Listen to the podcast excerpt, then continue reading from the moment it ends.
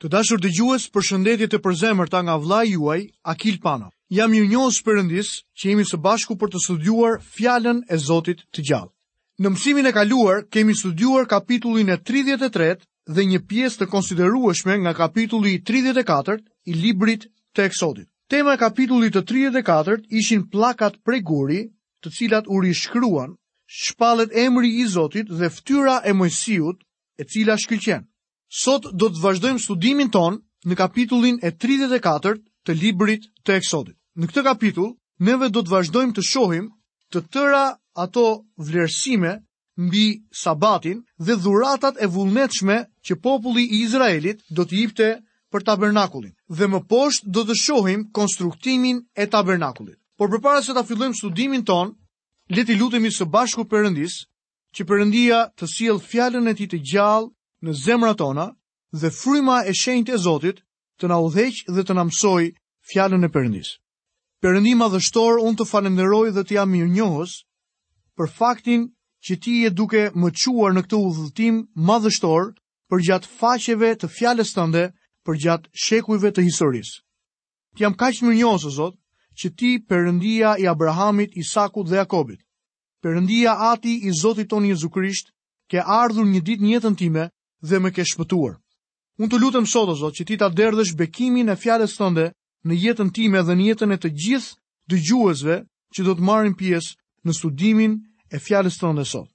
Lutem që me anë të frymës tënde të shenjtë, ti të na zbulosh fjalën tënde, të na udhëheqësh tek e vërteta jote.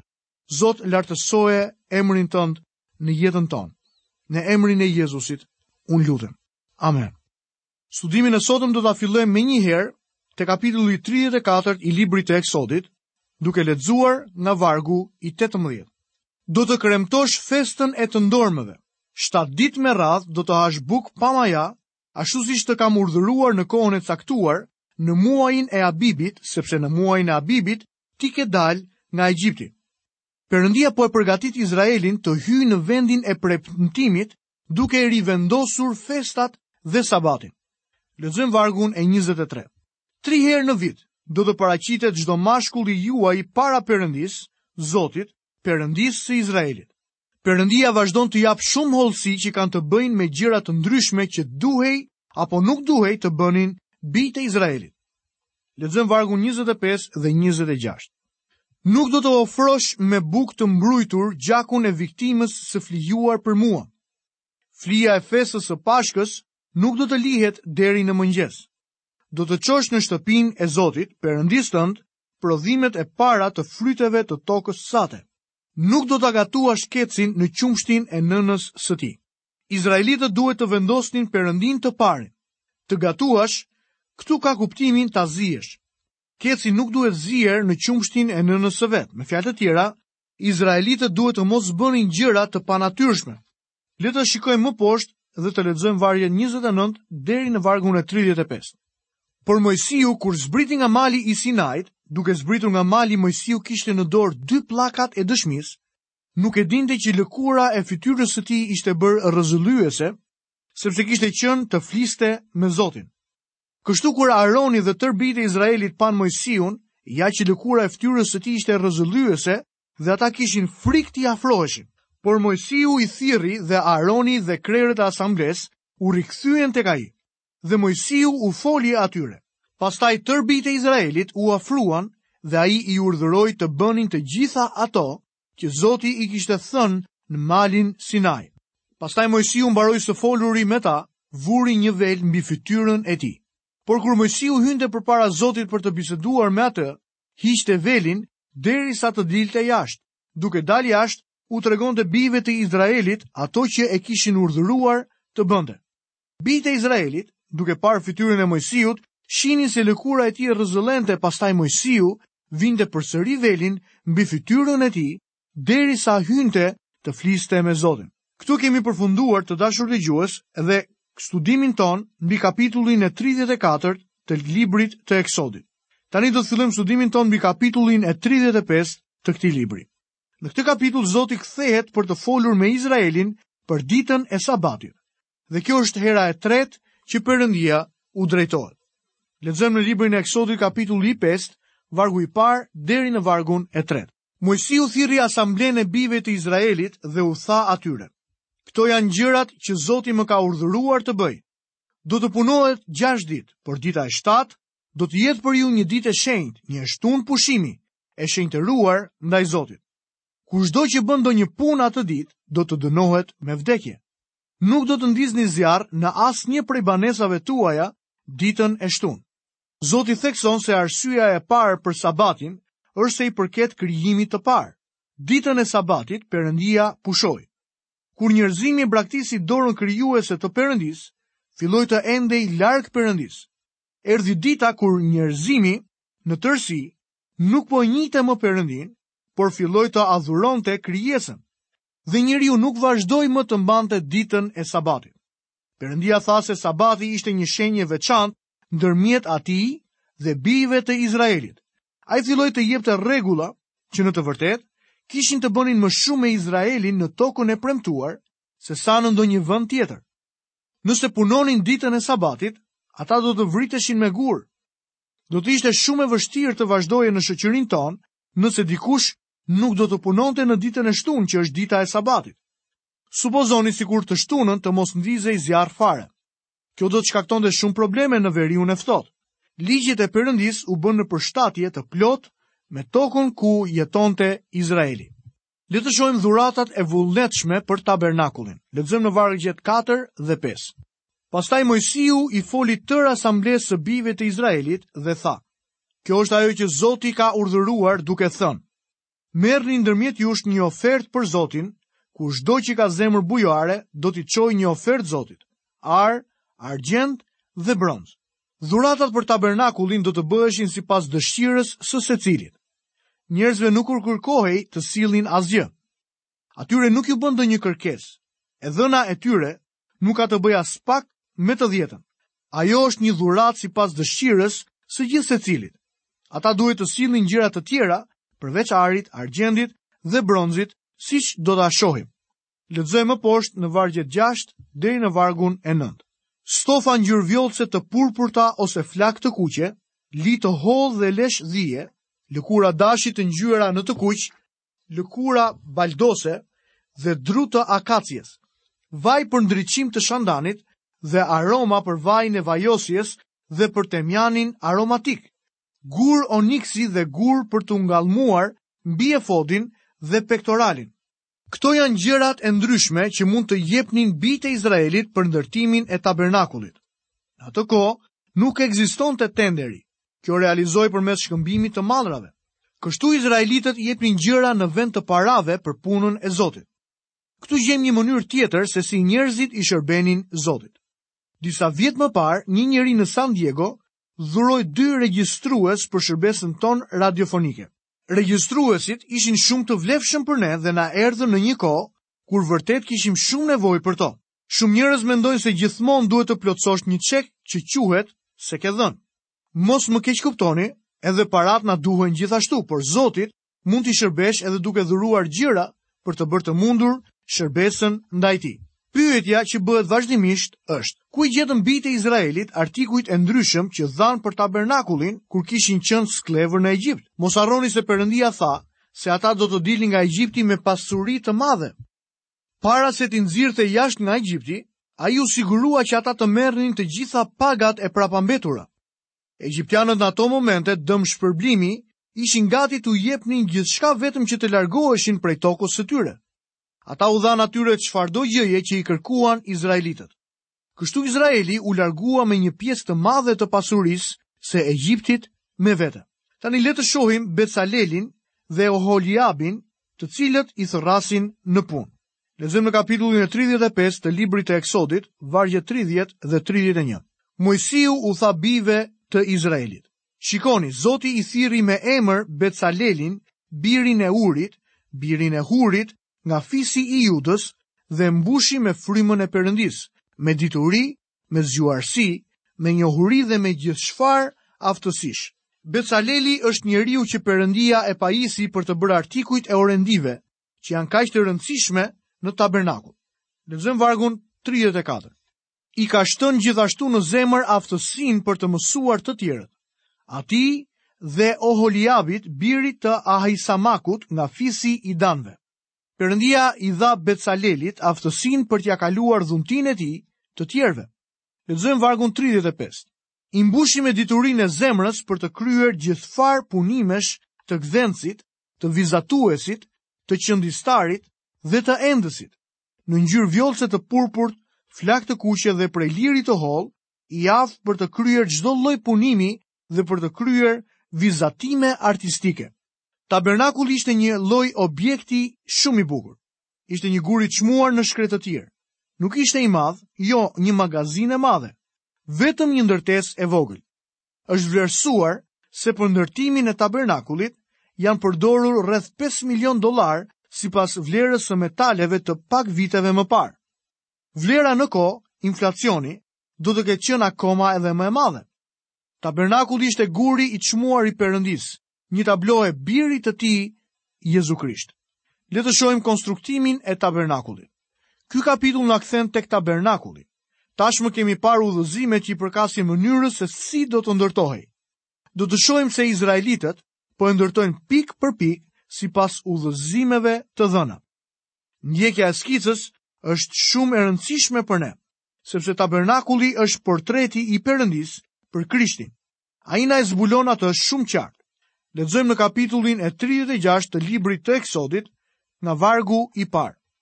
Tani Becaleli dhe Oholiabi, si dhe të gjithë njerëzit e aftë të cilët Zoti i ka pajisur me dituri dhe zgjuarsi për të kryer të gjitha punimet për shërbimin e shenjtërores, kanë për të vepruar sipas urdhrave të Zotit. Çdo anëtar i ekipit që duhej të kishte një numër të madh njerëzish është përfshirë në ndërtimin e tabernakullit me diturinë dhe njohurinë që Perëndia u kishte dhënë. Përgjegjësi i gjithë ekipit ishte Becaleli.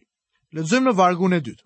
Moisiu thirri pra Becalelin dhe Oholiabin dhe të gjithë njerëzit e urtë nga zemra, të cilët shtyheshin nga zemra për t'i hyrë punës dhe për ta kryer atë. Vini re këtu se diçka është shumë e rëndësishme dhe e domosdoshme në punën e Zotit. Nëse po i shërbeni Perëndisë pa dëshirë, më mirë mos e bëni fare.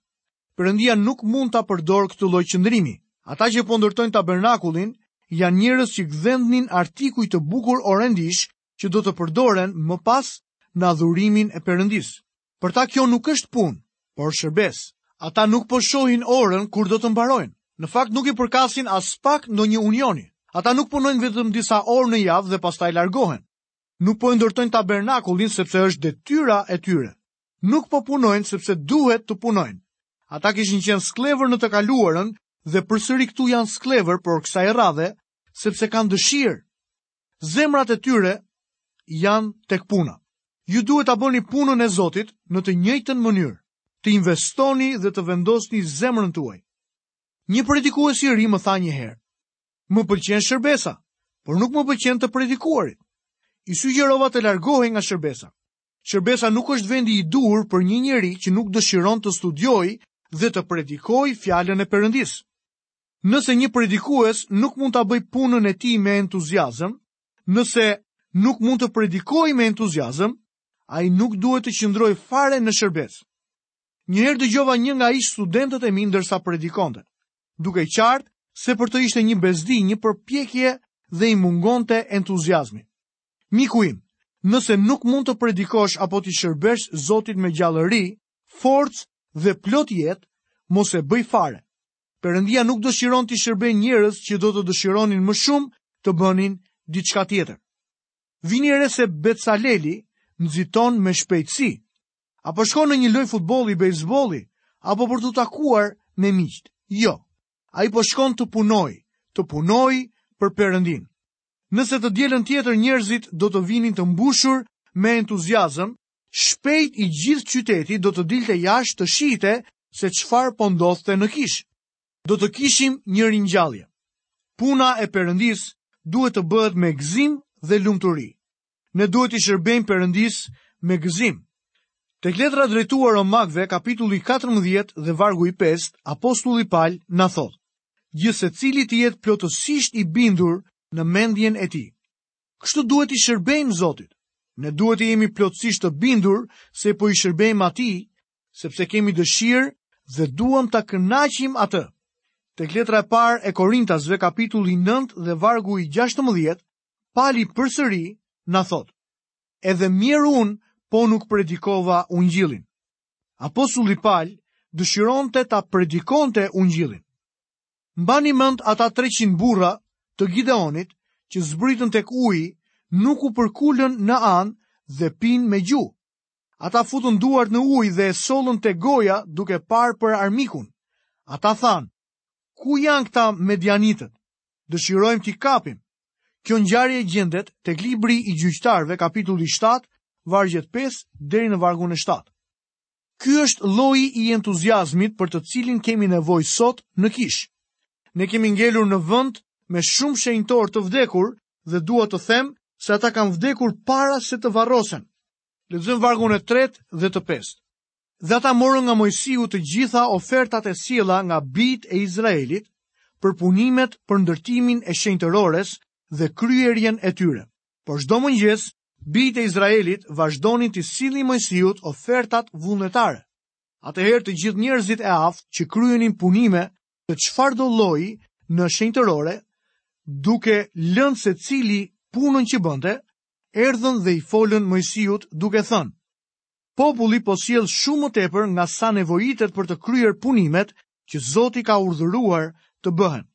Ky është i vetmi rast që di unë kur njerëzve iu kërkua të mos jepnin më. Ata sollën më shumë nga ç'duhej për të ndërtuar dhe furnizuar tabernakulin. Në shërbesën time nuk kam parë kurrë ndonjëherë një ofrim të tillë. Dhe as nuk kam dëgjuar për një ofrim të tillë para ose pas kësaj ngjarje. Lexojmë vargun e gjashtë. Atëherë Moisiu dha këtë urdhër që u shpall nëpër kamp, duke thënë: Asnjë burrë dhe asnjë grua të mos bëjë më ndonjë ofertë për shenjtëroren. Kështu e ndaluan popullin të sillte tjetër material. Njerëzve iu kërkua të mos jepnin dhe ata duhej të kufizoheshin dhe t'u thuhej se kishin sjellë mjaftueshëm. Është me të vërtetë e mahnitshme duke parë nga fakti se këta njerëz sapo kishin dalë nga skllavëria. Ata nuk kishin zotëruar asgjë më parë. dhe tani që kishin pasuri, do të mendonit se nuk do të ishin shumë të gatshëm për ta dorëzuar atë.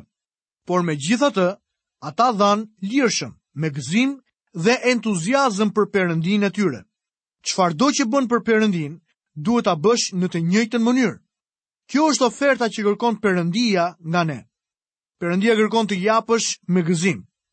Vite më parë ishte një moto që thoshte: Jep derisa të të dhëmbë. Perëndia thotë, nëse të dhëmb, mos jep. Adhurimi ynë për Zotin duhet të bëhet me gëzim.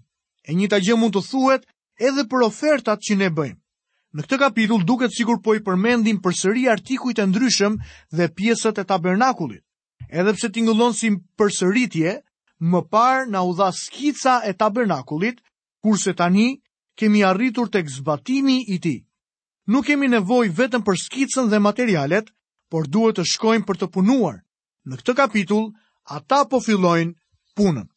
Le të lexojmë në vargun e 8 të kapitullit të 36 të librit të Eksodit.